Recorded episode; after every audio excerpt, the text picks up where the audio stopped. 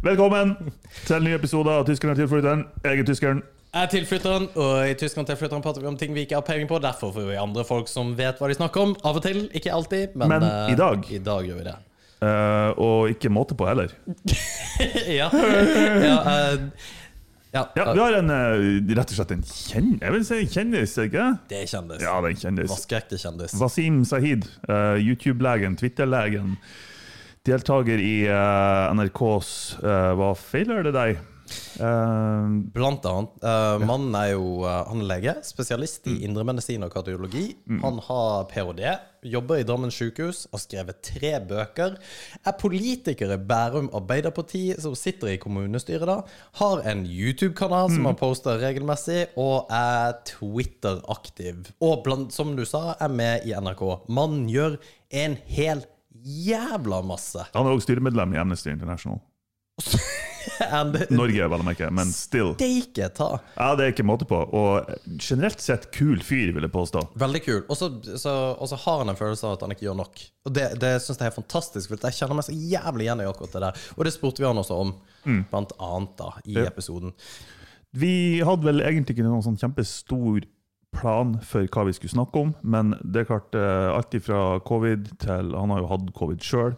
Eh, til mental helse, som vi har snakka om tidligere, og, og sånne type tema. Eh, var ting vi toucha innom. Eh, så enormt mye kompetanse eh, som han sitter på. Eh, det var en ja, fornøyelse å prate med han. Det var det. Um, og så prater vi om fedme.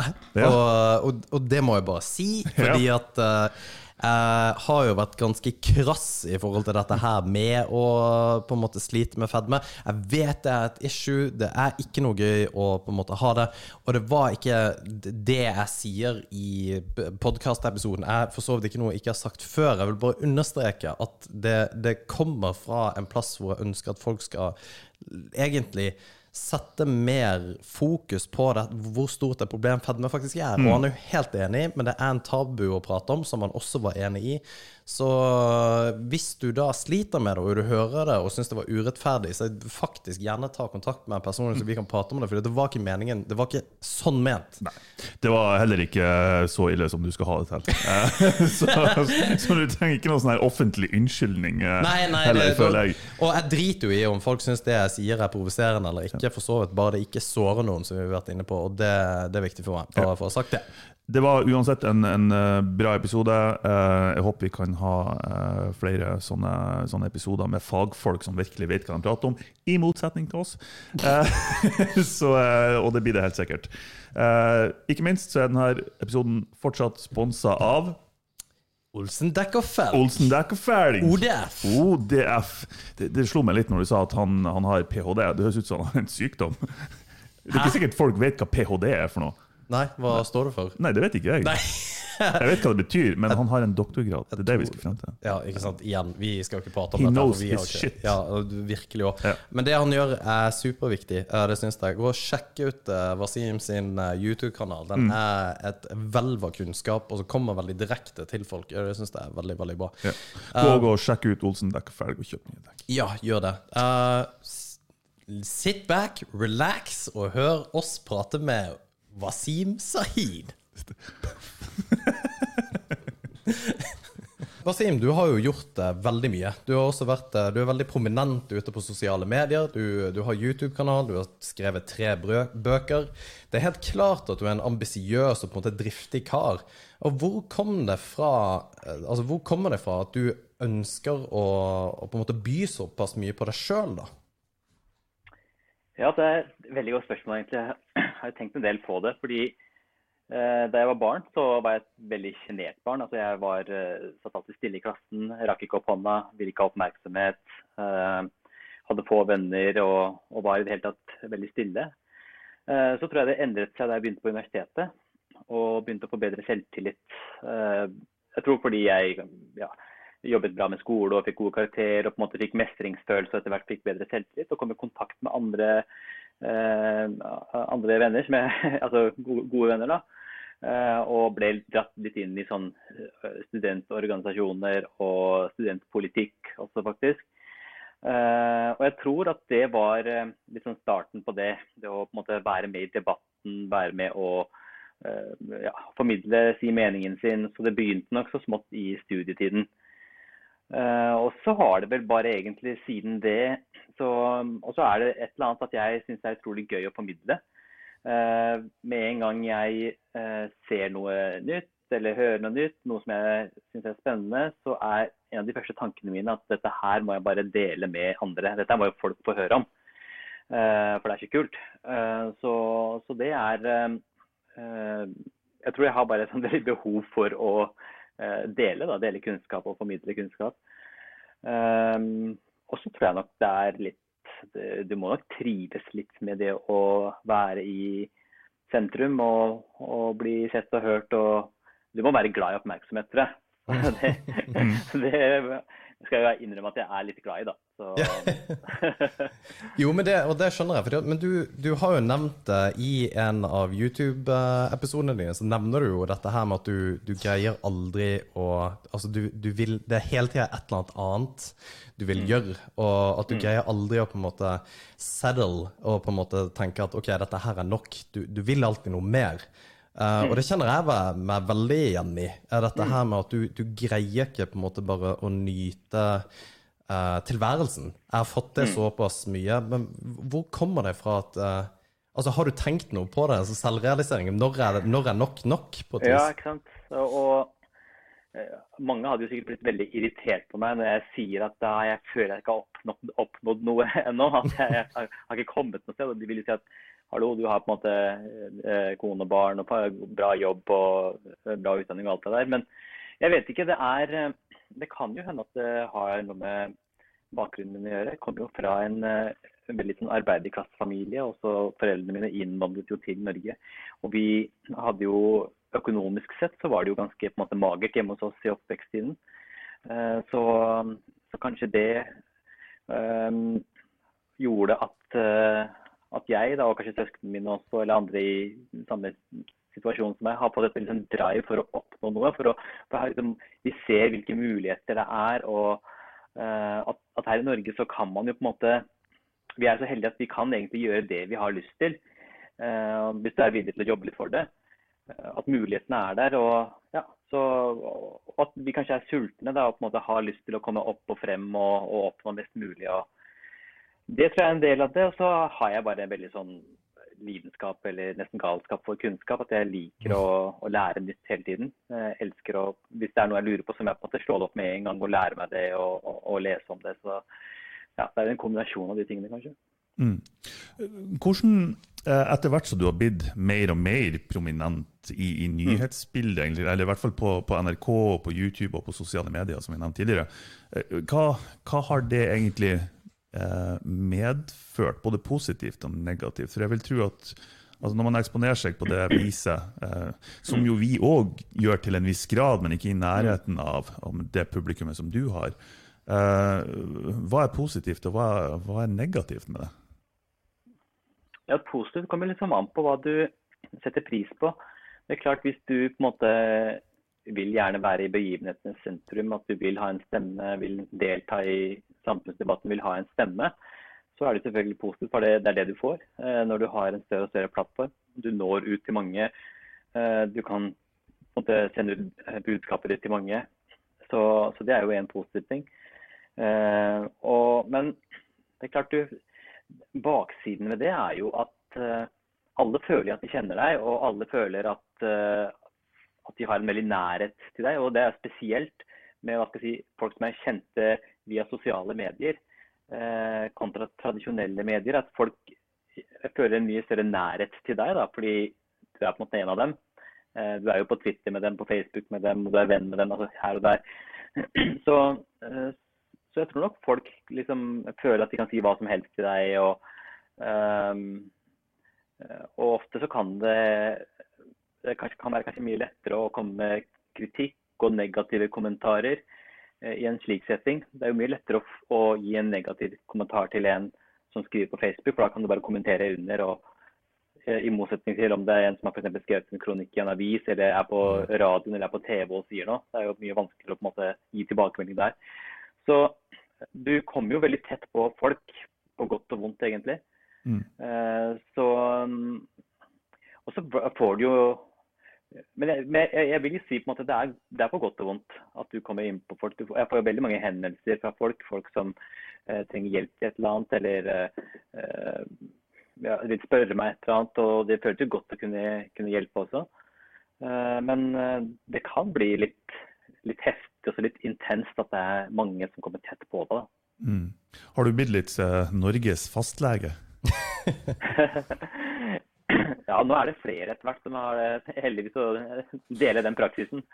Uh, men uh, ja, det er jo Jeg får mye spørsmål både fra journalister om å uttale meg om forskjellige ting, og også fra privatpersoner som, som tar kontakt med meg, og som er fortvilet og som på en måte føler de ikke har fått hjelp her og der, og lurer på om jeg kan hjelpe dem. og Ofte så kan jo ikke jeg gi noe mer enn det de på en måte allerede De har jo kanskje ofte vært alle steder allerede. Mm. Men ja, jeg får bli kontaktet av veldig mange. Mm. For du, du, har på et vis uh, tilgjengeliggjort en relativt utilgjengelig side av uh, ja, altså helse. da. At uh, du, du, snakker jo åpent om angst, og du snakker åpent om på en måte følelser. og det, jeg tror du hjelper vanvittig mange som ikke har på en måte sett dette helt åpent fra en fagperson. da, ja. Og hvor viktig det er. Ja. Jeg bare ta en historie. Jeg var i butikken i stad for å hente en pakke på posten. Og så idet jeg skulle dra, så roper hun etter meg, hun som sto der, det er en ung jente. Eh, og, og, sier bare at eh, hun ville takke så mye for at jeg har delt informasjon for, nettopp om angst da, i det siste. Mm. Eh, fordi hun følte at liksom, endelig var det en fagperson som viste i hvert fall at han forsto hvordan hun hadde det. og så jeg tror det er veldig mange, spesielt unge mennesker, da, som setter pris på at eh, ja. Og Det er litt av poenget med sosiale medier også, at det skal være eh, personlig. Mm. Det trenger ikke nødvendigvis være så privat, men det skal være litt personlig og ekte.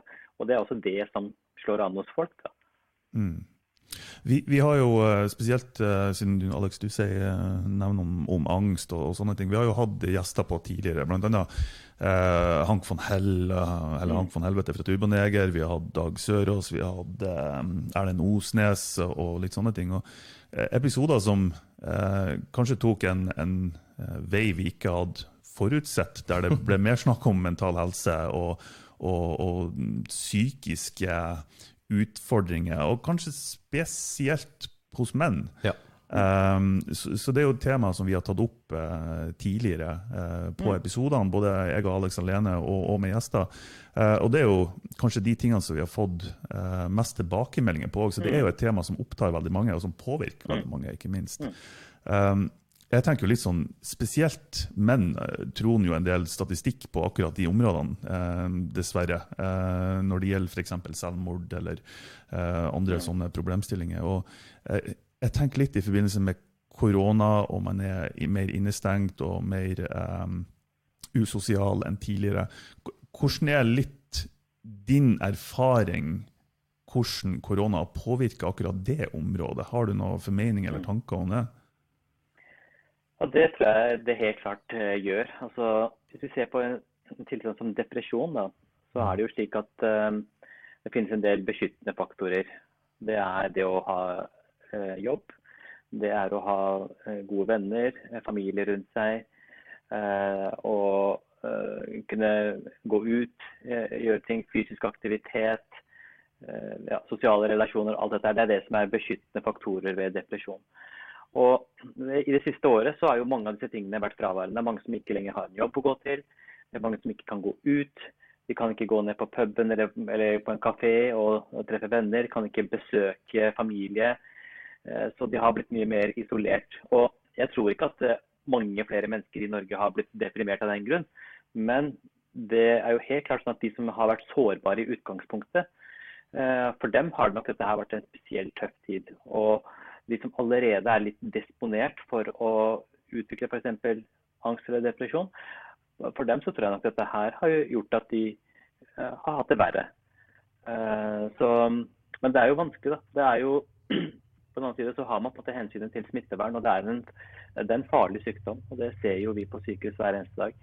At det er uh, en del mennesker som blir veldig syke, og det er mange som dør også. Så, så det er en vanskelig balanse mellom de to tingene. Mm.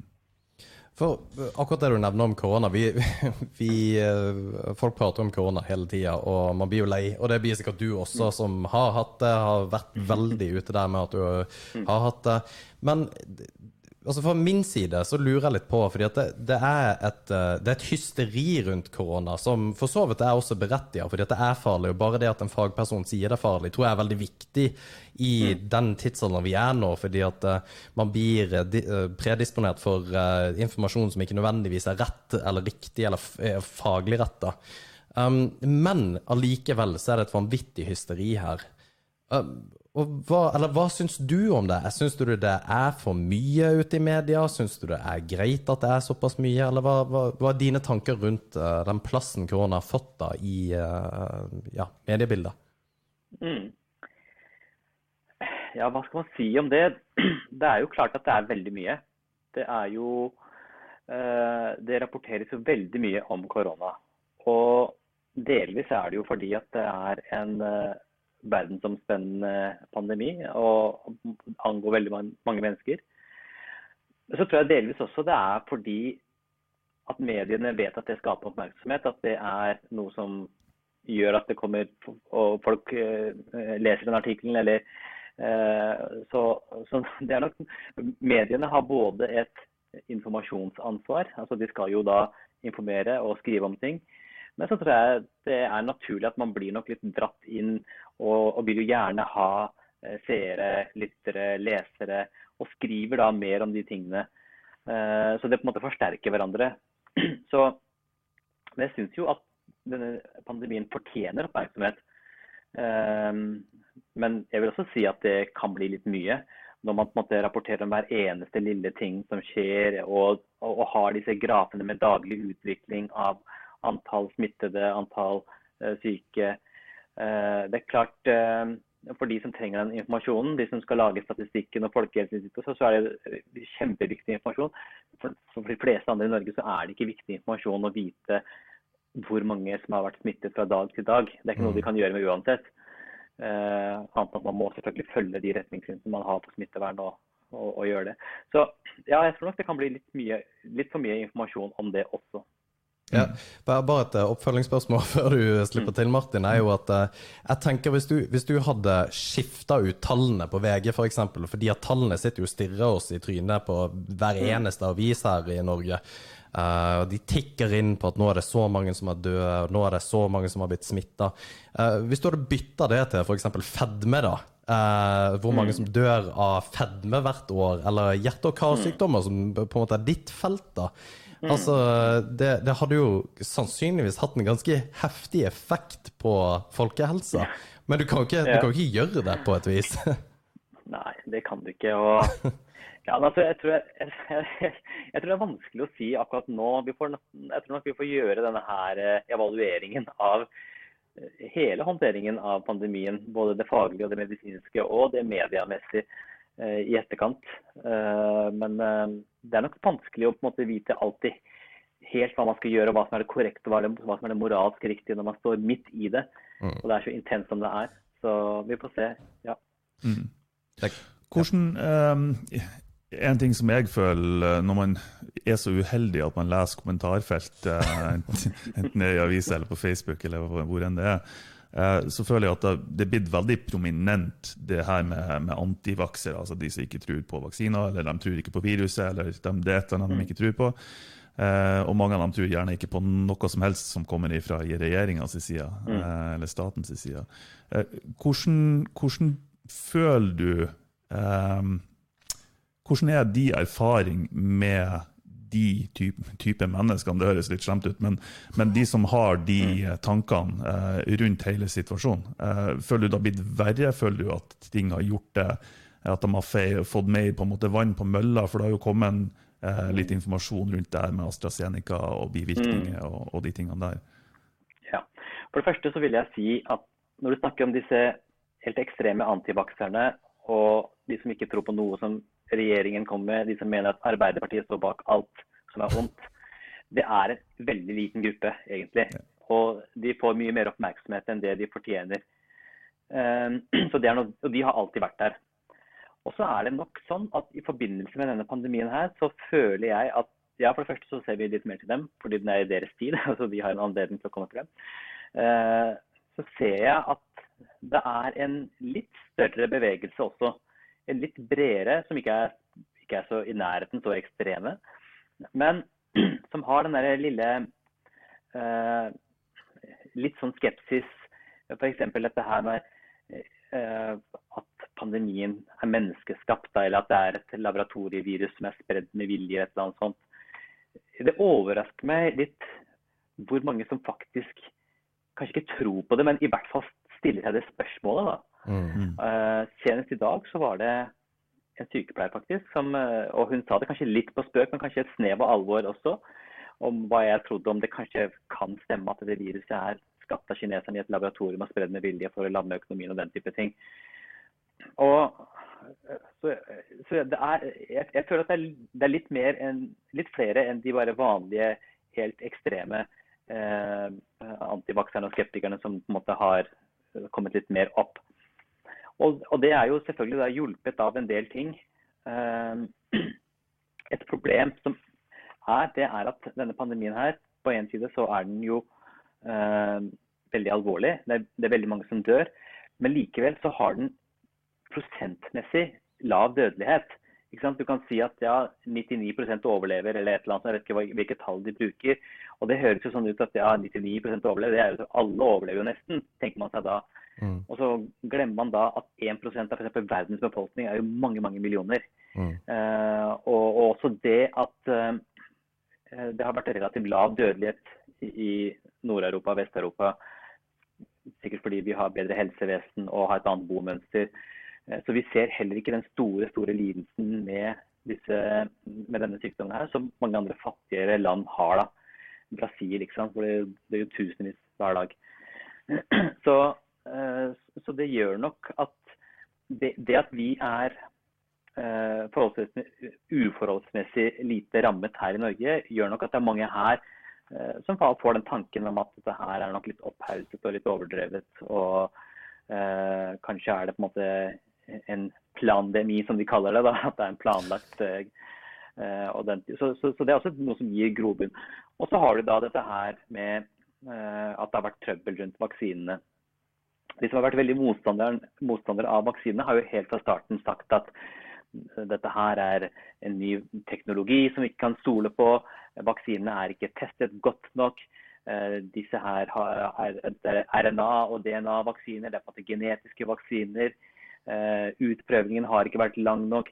Vi kjenner ikke til bivirkninger. Altså, de vanlige klagene som vi alltid har på vaksiner. Da. Og så har det på en måte for en gangs skyld slått litt til, av de spådommene deres. Mm. Fordi det har da plutselig blitt litt, selvfølgelig veldig lite problemer med disse vaksinene her. Veldig lite bivirkninger egentlig. Men i og med at det har vært noe, og så har det kommet opp, og det har fått stor oppmerksomhet både her i Norge og på en måte Europa og rundt omkring, og alle snakker om det, så har jo de fått enda litt mer vann på mølla.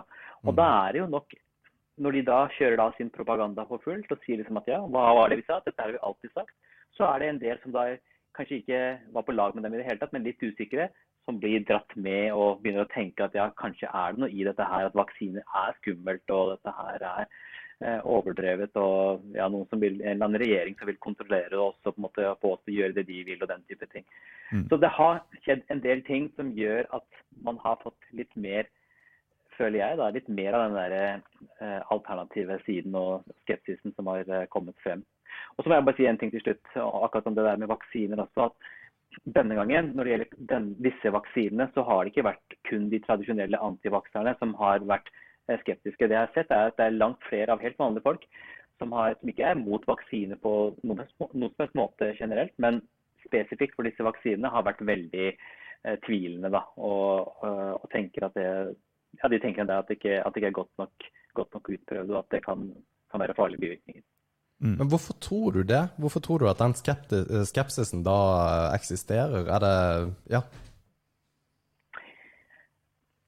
Altså, jeg tror nok eh, jeg hørte et eller annet sted eh, Jeg satt og hørte på den der pressekonferansen fra EMA for noen dager siden. Så var det en journalist som sa at eh, og det var ganske deprimerende å høre. Hun, journalisten sa at Europa forblir det mest vaksineskeptiske kontinentet i verden. Uh, og det er jo veldig trist å høre når man vet at Europa skal liksom være arnestedet for vitenskap og rasjonalitet. Eh, og så er det her man har de, de fleste eh, skeptikerne. Så det er nok noe med Jeg tror at eh, noe av grunnen til at har, vaksiner har dårlige, dårlig rykte her i, i, Vesten, er at de vaksinene er så gode. Mm. Eh, vi ser ikke lenger behovet, eller vi ser ikke lenger det gode arbeidet som vaksinene gjør, fordi vaksinene selv har utryddet, eller i hvert fall minimert, de sykdommene som de har minimert. da. Eh, så jeg tror i andre land, eh, i fattigere land, mange land i Afrika og Asia, hvor de har fortsatt en del av disse sykdommene som vi aldri har sett på flere tiår.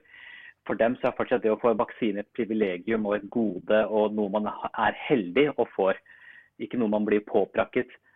Eh, så, så, jeg tror også noe av grunnen til den store skepsisen mot vaksiner her i Europa, er nettopp at vaksinene har vært så suksessrike. Det er et godt poeng, altså. At vi vi har det litt for bra. Ja, vi har det for godt på et vis. Og ja, og så tenker vi at helsevesenet funker. Vi tenker at helsevesenet kommer til å ordne opp. ikke sant? Og vi er ikke så mye på den der forebyggende tankegangen. Ja, fordi at det, det, at Europa skulle vært en større motstander, mm. vaksinemotstander enn USA, var, det det mm. som var konklusjonen, blant annet? Det var en journalist som stilte ja. spørsmålet da, og jeg vet ikke hva hun bygget det på. Men jeg, jeg, jeg skjønner jo at det er eh, ikke sant? Det kan jo også hende Uh, de har sikkert ikke målt vaksineskepsisen like nei, godt nei, i Afrika og Asia. nei, ja. Hva syns du om det? Nei, uh, nei og de, de, den ser jeg. Men de, jeg tenker jo uh, vi, vi, har jo levd på en måte i koronaåret nå, og det, det er jo mange som har ment mye om hvordan man skal da styrke seg mot å bli koronasmitta. Um, hvordan var din opplevelse av koronaen? Altså, var det, var det ille? Uh, nei. Eh, da jeg ble syk, så uh, ble jeg ikke så spesielt syk. Uh, det begynte på morgenen den dagen hvor jeg var på jobb på helt vanlig måte, for jeg hadde ikke følt meg noe syk da jeg dro hjemmefra. Og så satt jeg på kontoret før jeg hadde kommet i gang med pasienter og begynte å kjenne litt at det var et eller annet ubehag i halsen og litt i nesa og litt sånt. Og vanligvis så hadde jeg jo ikke tenkt over det i det hele tatt og hadde bare fortsatt å jobbe. Eh, men i og med at det er så mye oppmerksomhet rundt så tenker jeg bare nei, jeg må, jeg må ta, gå og ta en test. Og så gikk jeg og testet meg og ble enig med uh, sjefen om at jeg ikke skulle ha pasientkontakt før uh, testen var avklart. Da. Så jeg gikk og låste meg inn på et annet rom og venta på prøvesvaret. Uh, og det kom ikke før senere på kvelden. og så, så det, det, den dagen jeg hadde mest symptomer, det var senere på kvelden den dagen. og dagen etter. For da hadde jeg eh, litt vondt i halsen, litt hodepine, litt eh, tett i nesen, og etter hvert så fikk jeg eh, muskelsmerter i lårene og ryggen og sånt. Men for meg så var det liksom ikke noe, noe mer, særlig mer enn en forkjølelse, da. Eh, jeg hadde ikke noe hoste, jeg hadde ingen påvirkning av lungene, tror jeg.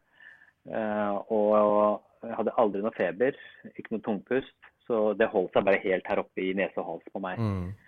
Og det, det mistet jo luktesansen, så det var tydelig at det var her i neseområdet at jeg ble mest angrepet. Ja, riktig. Eh, og det at man mister luktesansen er også eh, forbundet med et mildere forløp, da, sier de. Så, så jeg hadde eh, kom ganske raskt fra det, og etter eh, syv-åtte dager så var jeg helt frisk. Og da jeg var ute av isolasjon og tilbake på jobb, så hadde jeg ingen plager lenger. Har du noen tanker på hvorfor det var så lett for din del? Altså, Har det noe å si mm. med at du er eh, en atletisk eh, kar? At du, du, tar vare på kroppen og helsa på et vis, eller?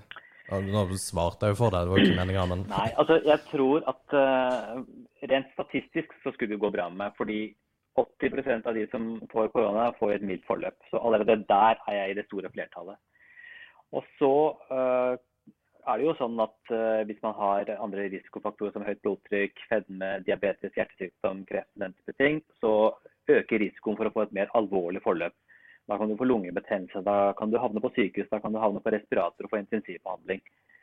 Uh, så jeg har jo ikke de tingene der, og så er jeg jo normalt i god form og alt det der, så kanskje har det vært å beskytte seg. Men jeg tror i hovedsak så er det et genetisk spørsmål. Uh, at vi reagerer litt ulikt på viruset.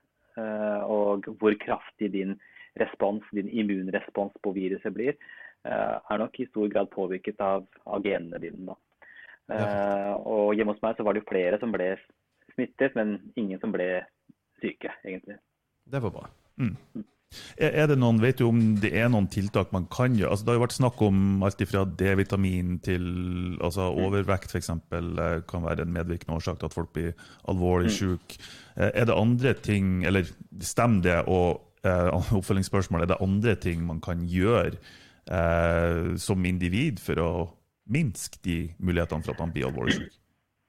Så det er klart, Hvis du har disse risikofaktorene som høyt blodtrykk, fedme, diabetes hjertesykdom, så er det jo klart at det er ikke noe du får gjort noe med nå. Annet enn at du kan passe på å ha det godt, så, så, godt regulert som mulig og følge opp medisinske behandlinger av det. Men, men, de risikofaktorene er der. Eh, når det gjelder ellers behandles eh, friske mennesker, så er det det beste man kan gjøre, er å følge smitteverntiltakene eh, for å rett og slett ikke bli smittet. Holde avstand, vaske hender og bare passe på å prøve å ikke bli smittet. Og så sies det jo at dette med D-vitamin har det vært mye snakk om. Eh, noen mm. har jo ment at det til og med kan være en behandling. og Det var en studie som kom fra Spania sånt, som landet som en bombe fordi de hadde vist da, at uh, intensivpasienter som fikk D-vitamin, gikk det bedre med. Altså intensivpasienter med korona. Så fant man ut at det var masse svakheter ved den studien, og den ble tungt kritisert av fagmiljøene. Men det man i hvert fall tror med D-vitamin, er at i utgangspunktet er lurt å ha adekvate nivåer Eh, at man ikke har en D-vitaminmangel. fordi D-vitamin er eh, et vitamin som er med og påvirker immunforsvaret. Så du bør passe på da, at du spiser fet fisk, eller tar tran, eller til og med tar vitamin D-tilskudd hvis du har lave nivåer. Eh, og at får passende sol og har, har gode vitamin D-nivåer. Ellers så er det ikke noe spesielt når det gjelder tilskudd eller kosthold eller den type ting som egentlig kan Eh, beskytter deg veldig mot eh, å bli smittet med et virus som dette er. Men det, var, det er litt med dette med fedme. Jeg syns det er mm. kjempeinteressant, fordi at man eh, Og på et vis at du, du har jo også dokumentert din reise med å gå mm. fra å være litt overvektig til å ikke være det i det hele tatt. Og jeg mener jo også at det, det er mye når det gjelder fedme, så har man på et vis ikke lov til å prate om det i populærkulturen eller gjennom media. At det, det er ikke det, det, er ikke bare det at um, Altså, det er helsefarlig å være tjukk, for å si det rett frem, da. Mm. Um, og at uh, jeg har jo blant annet en venninne som var kjemperedd for korona når dette smalt for et år siden. Du sa jo akkurat at du kan ikke gjøre noe med det nå, men hadde, du stått der i mars uh, 2020 og det korona hadde smelt, så sa jeg ja, men kutt ut og spis is uh, for eksempel hver dag. Nei, nei, nei, men det, det gadd hun ikke. Så mm. igjen, og jeg satt litt på spissen dette her med tallene med på, på fedme på uh, forsida av VG-avisa, men Tror du folk vil ha en, en, en uh, litt mer nært forhold til sin egen helse nå etter korona enn de har hatt før? Eller burde de det? De burde absolutt det. Altså, det er jo vi vet at fedme er en risikofaktor, ikke bare for å få alvorlig covid, men for mange andre sykdommer også, så bør man jo det. Men det er liksom ikke der fokuset har vært heller. Uh, så mye har uh, Det er ikke den type tiltak man har snakket om og vært opptatt av. Og det er klart, i, en, i et kort tidsperspektiv så skjønner jeg også at det, at det ikke har vært fokus for det, eh, det er der fokuset har vært. fordi det, det har vært en akutt situasjon, og den akutte håndteringen med å begrense smitte som har vært det viktigste. Men det er jo klart, det, dette her er jo noe det alltid har vært snakk om. Og det er sånn som du sier, eh, litt sånn ja, det er litt sånn tabu å snakke for mye om dette med overvekt og, og, og fedme og den type ting. Jeg, den der videoen som jeg lagde på YouTube for litt siden, hvor jeg fortalte hvordan jeg en gang i fortiden hadde gått ned ganske mange kilo. Uh, Tittelen på den videoen var opprinnelig 'Fra feit til fit'. Mm. Uh, og, og, det fikk jeg massevis av kritikk for. Uh, hvordan kunne jeg bruke ordet feit? Hvordan, ja. det var en som skrev, hvordan kan du som lege bruke ordet feit? Det er nedlatende. Eh, og så sier jeg hallo, men jeg bruker jo aldri det til pasienter. Altså Vi leger bruker ordet feit hele tiden. Bare, mm. vi, det, det, snakker vi om hele tiden. Men det er når vi snakker enten om oss selv eller mellom oss. Vi snakker jo ikke med pasientene, vi bruker ikke de ordene da. Men, men det var et eller annet at selv om det var om meg selv at jeg brukte det ordet, så var det noen som tok seg nær av det. Uh, og jeg, Det endte jo med at jeg endret tittelen på videoen. Uh, men, uh, men, det viser jo at det er det er litt sånn sårt, det der å, å, snakke om. Eh, kanskje er det fordi det er såpass knyttet til selvbilde og identitet. Uh, og, og, spesielt når man snakker om at uh, fedme er noe man kan gjøre noe med, at man kan uh, gå ned i vekt, så legges jo ansvaret overfor deg. og det betyr at hvis du ikke er slank, hvis du ikke klarer å slanke deg, så er det et eller annet galt med deg. Da er det noe med personligheten din og, vanene dine og viljestyrken din. Så det blir veldig nært og personlig, å gå på identiteten din. Mm. Uh, og det er klart, Når vi føler at vår identitet blir angrepet, så blir man jo veldig i forsvarsposisjon. Mm. Uh, så kanskje vi bør på en måte finne andre smarte måter å, å snakke om det på. Da. At det ikke er så at folk ikke føler at det er så knyttet til personlighet og, og, og dette her. Men, uh, men ja, det er, det, er, du har helt rett. Det er litt tabu å snakke om det. Og det er litt synd, tenker jeg, fordi at det er faktisk veldig farlig å mm. være tjukk. Uh, så tenker jeg at det, det, burde vært mer fokus på det, fra et personlig stå, ståsted som ikke er veldig tynn, da. ja. Men det Ja. Nei, men det er så, det er så mange Og så er det jo sånn det, er, det, blir for fort debatt og diskusjon og blir litt opphetet. Og, og, da mister man egentlig muligheten for å ha en fin samtale om det. Og så er det ofte Når man snakker om at, eh, at overvekt er forbundet med dårlig helse, så får man veldig fort til motargumentet. Men du som lege må jo vite at det går an å være overvektig og veltrent likevel. Det er mange måte, som for så og så forteller de at folk har store muskler og at det er derfor de veier. Men ja, det er helt riktig, men det er ikke det som er det store problemet. Det, det, det store fedmeproblemet er jo ikke at vi har altfor mange kroppsbyggere i Norge. Eh, det er jo det, det, er noe med det. Eh, men eh, ja, vi får prøve å snakke snakke litt mer om det. Gjøre det litt ja. mer vanlig. mm. Ja, for vi, vi, har prøvd, men uh, har blitt arrestert på samme måte som du sa. Jeg var kanskje litt uh, for krass der hvor jeg sa at uh, tjukke folk er lat. Det var ikke så smart å si, men uh, det, det, det, er et eller annet med å få den det, Altså å få realiteten i trynet på dette her er alvorlig. Og det, det er akkurat som med korona, at i, i, begynnelsen så bare ja, dette er Kina-viruset, men at dette her er noe vi er nødt til å ta tak i. At folk er nødt til Vi er, vi er på et vis nødt til å slutte å syte og, og, faktisk skjønne at her er vi nødt til å, å ta tak i problemet, da, hva det skulle være for noe. Det er nok, eh, jeg er enig i det. Samtidig så har jeg også en forståelse for dette her at det er um, jo, å, hvis man er overvektig og for å få slanke seg igjen, så, så kreves det ting som viljestyrke, helt klart. Men uh, det er en del med den sosiale settingen også. Og, uh, altså, overvekt er komplisert. Det er snakk om uh, Det er ikke bare snakk om Det matematiske er enkelt. Det er kalorier inn, kalorier ut. Det er det matematiske. Men det er så mye annet rundt. Det er, det er psykisk, det er sosialt, det er økonomi, det er jobbsituasjon, det er familiesituasjon. Så det er mer komplisert enn det. Og, så jeg, jeg, vil jo ikke si at feite mennesker er late.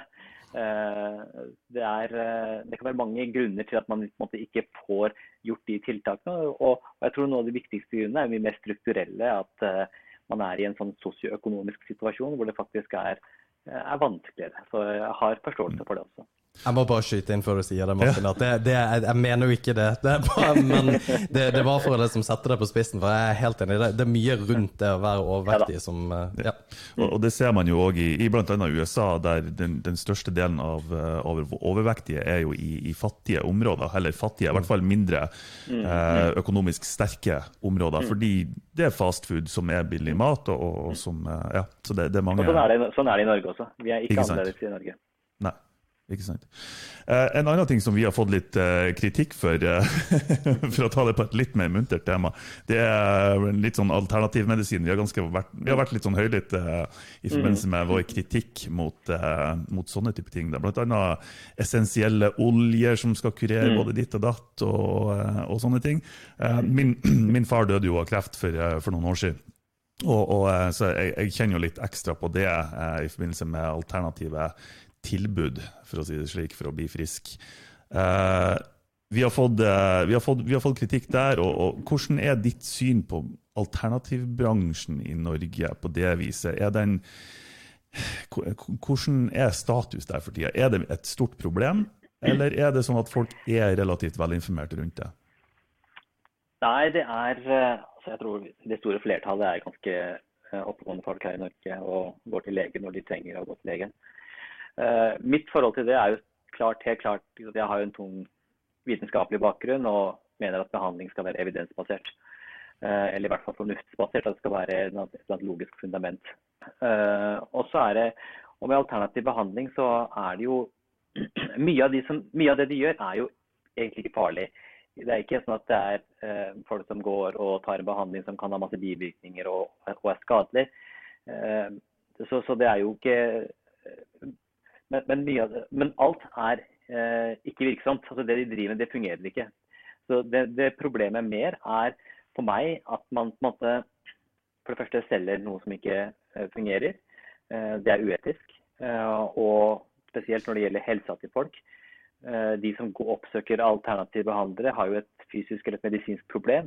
Og så tilbyr man en behandling som ikke fungerer. Så det er jo også da å lure folk.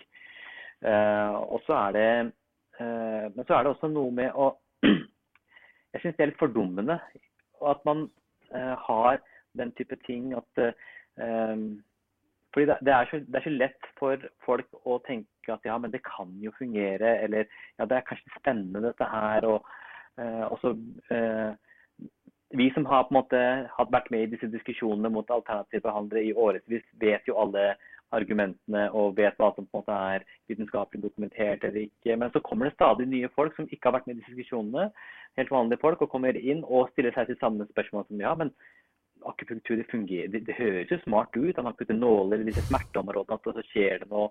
Eh, eller at, eh, at en kiropraktor knekker opp ryggen. Det, det, høres jo logisk ut.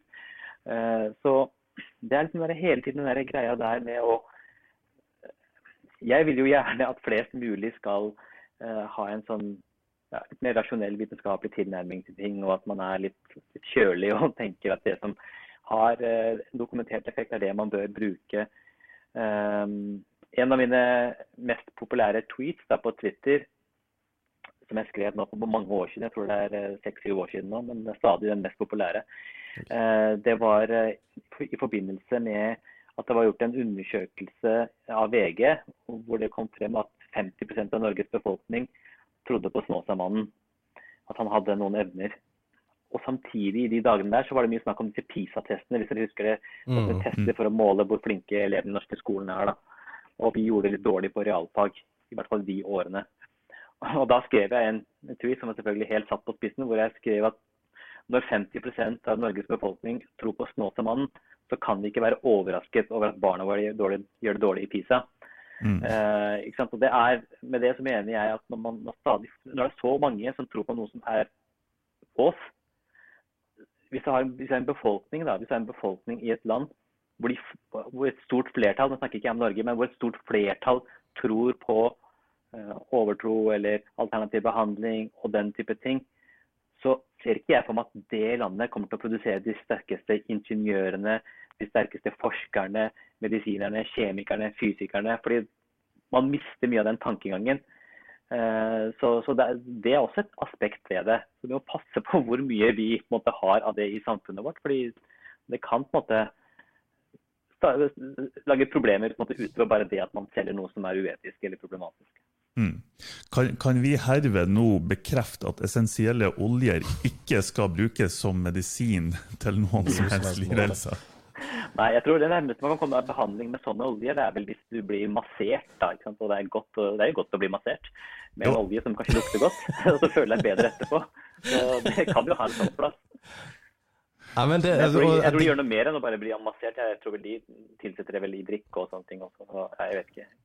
Jo da, de, de, de, de gjør visstnok det. Og eh, enkelte av de oljene skal du vel helst ikke ha på huden sånn uten å mm uten videre. Det skaper vel mm. både allergiske reaksjoner osv. Men eh, det trenger vi ikke gå så fryktelig mye inn på. Jeg bruker å kalle dem eh, dem som eh, er litt sånn kritiske mot oss på akkurat det området. Det er liksom oljemafiaen som, som angripes. Men ja, da har de fått servert. Men jeg liker at du setter det på spissen. og det, det, jo, det, det, var jo akkurat det du gjorde med tweeten. er jo å sette det på spissen. Funker dette mm. egentlig? Å få det servert rett på, det, det er viktig, altså. Um, Wasim, er det noe eh, som skjer eh, fremover uh, som vi kan vente oss uh, fra din side? Det, det, skjer jo allerede så vanvittig mye. Så. ja, ja, ja. Nei, hva skjer? Det er, um, det er mye jobb og det vanlige. Men uh, da jeg ble syk, så var det én ting som var veldig tragisk. Og det var at vi måtte avlyse hele innspillingen av det populære TV-programmet Hva feiler deg? Mm. Fordi jeg ble syk, og de andre som medvirket, måte går i karantene. Og, da, og med det så var tiden de hadde booket hele studio, over. Eh, så det var jo veldig ergerlig. Eh, men eh, gode nyheten er at vi skal prøve å gjennomføre det likevel. Og skal snart inn i studio for å spille inn enda en sesong av Hva feiler det deg? Så det gleder jeg meg veldig til. Og det kan vi se frem til utover. Det kommer vel sikkert til høsten da på TV. Kan man søke seg som pasient? Å ja, og det er eh, ikke noe mangel på pasienter. Det er ganske utrolig. Det er, det er ganske utrolig, altså, og jeg syns det er kjempetøft av de som står frem med tingene sine. Og, for de, gjør det jo, de er jo med på å drive med folkeopplysning. Eh, Men når NRK har søkt om deltakere, så har det vært en storm. altså Vi har hatt veldig mange å plukke fra. Dere har et par til her. Det, det er mye som, fe- som feiler oss òg, har vi hørt. Eh, jeg vil òg nevne at eh, min, min mor på, på 75, 75 år eh, Hun har aldri egentlig brydd seg så fryktelig mye om hvem vi har som gjest, eller sånne ting, men jeg nevnte at, at du skulle komme på, og den var at åh, han er så flott. Så men hun er veldig Det skal jeg gjøre. Wasim betyr kjekkas. Ja, Så det Nei, men Wasim, tusen takk. Eh, Jeg må bare Avslutningsvis så vil jeg si at eh, det er ikke bare underholdende og bra det du holder på med på eh, både sosiale medier og spesielt på YouTube, men det er ekstremt viktig. Det er vanvittig viktig at du åpner den eh, på en måte lukka døren som har vært eh, til en verden som eh, da nå er mye mer tilgjengelig for folk. Og det, det takker jeg deg uh, derfor. Og, og spesielt i ei tid som nå veldig mye å høre. Tusen takk for det. Det var veldig Ja. hyggelig. Veldig bra. Nei, men Tusen hjertelig for at du stilte opp på, på podkasten vår, og at du tok deg tida. Det, det setter vi veldig pris på. Veldig hyggelig å være med.